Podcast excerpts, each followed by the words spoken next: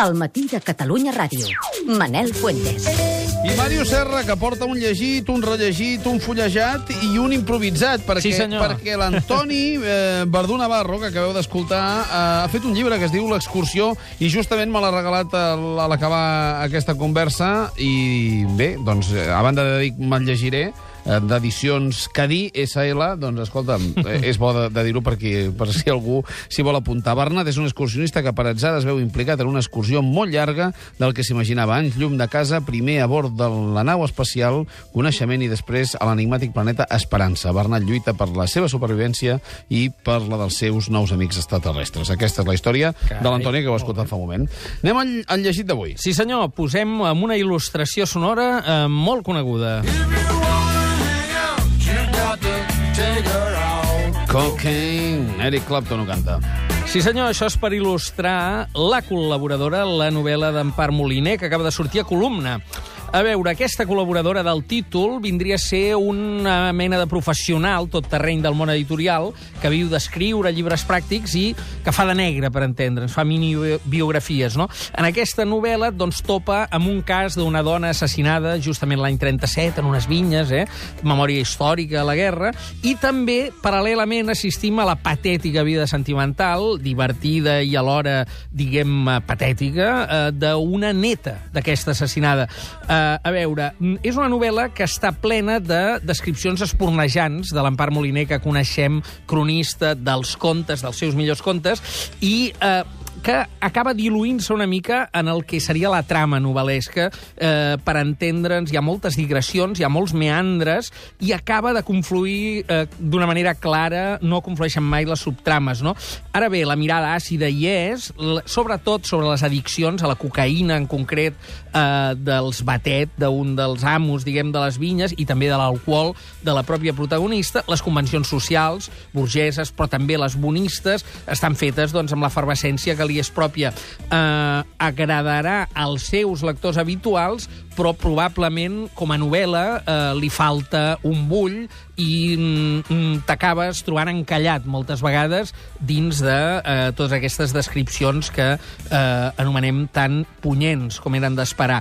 Per tant, món editorial, memòria històrica i, sobretot, una sensació de que el gènere no acaba de, de cantar-se. Hi ha sàtira en tot moment, mm, hi ha paròdia en tot moment, però no se sap ben bé si la clau acaba de voler anar cap a una voluntat més realista o menys. La col·laboradora, Empar Moliner, columna. Mots clau. Món editorial, droga, cocaïna especialment, memòria, desamor i solitud. El rellegit d'avui sí que té 4 L's i, a més a més, s'il·lustra amb Nocturn número 9 en viva moll major de Frédéric Chopin. Sí, senyor, una il·lustració per canviar de ritme, per abaixar, per fer una recomanació i una remarca prèvia vam, del rellegit de la setmana passada, la felicitat conjugal d'en Leo Tolstoi. Vam esmentar la traducció al castellà, que acaba de sortir en novetat a l'Acantilado. Eh, també existeix, també és accessible una traducció al català de l'edicions 1984. En deixem constància. Eh, en tot cas, el rellegit d'avui em, és un rellegit, és, un, és una novetat, és, però és rellegir el poeta Narcís Comadi, Comadira, que continua fent eh, el seu mateix estil. És un nou poemari eh, que aposta per mastegar molt, per pair bé, eh, una mena de slow food, doncs slow eh, poetry, en aquest cas. En el pòrtic ja ens revela que intenta, no? Vol que caigui lent, com el foc, com l'inoblidable tercet de Dante, lent, com cau la neu sobre els Alps quan no fa vent, i així és com, per exemple, en l'únic fragment que en llegiré, un poema dedicat al llibreter Guillem de Ribes, que es diu Llibres, podem llegir-hi això.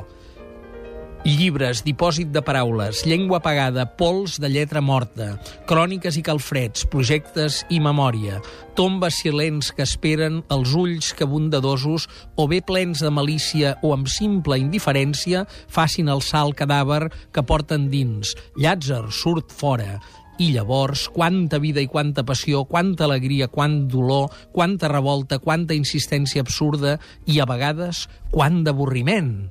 Però quanta companyia, llibres, llibres, més llibres. Mots clau?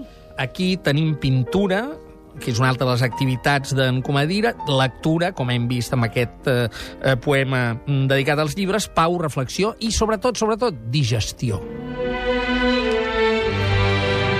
Sorba el grec. Ens il·lustra el fullejat. Sí, el fullejat d'avui és un llibre diccionari, però és un llibre notabilíssim. És la nissaga catalana del món clàssic, a cura de Montserrat Tudela i Pere Izquierdo.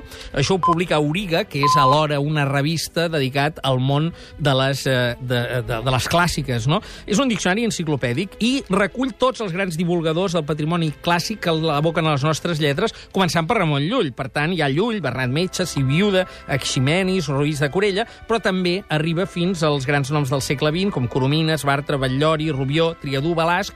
Ara bé, tots desapareguts. Aquest és el límit que es posen. Diccionari enciclopèdic, per tant, amb diversos autors d'aquest gremi tan ocult en el nostre sistema educatiu, però tan necessari, que avui a la tertúlia en parlàveu, en l'àmbit universitari, amb uh -huh. l'Alvintró i tot plegat, doncs aquest és una mica eh, aquesta tradició de la qual parlàveu d'abocar les lletres clàssiques a la literatura catalana, la nissaga catalana del món clàssic. Màrius Serra, el nostre far, que ens il·lumina per saber i per donar-nos criteri allò que ens farà més plaer a l'hora de llegir. Aquest aplaudiment dels alumnes de segon d'ESO del Liceu Francès de Barcelona és per tu. Petita pausa i parlem del Barcelona, del Congrés Mundial de Mòbils. Catalunya Ràdio.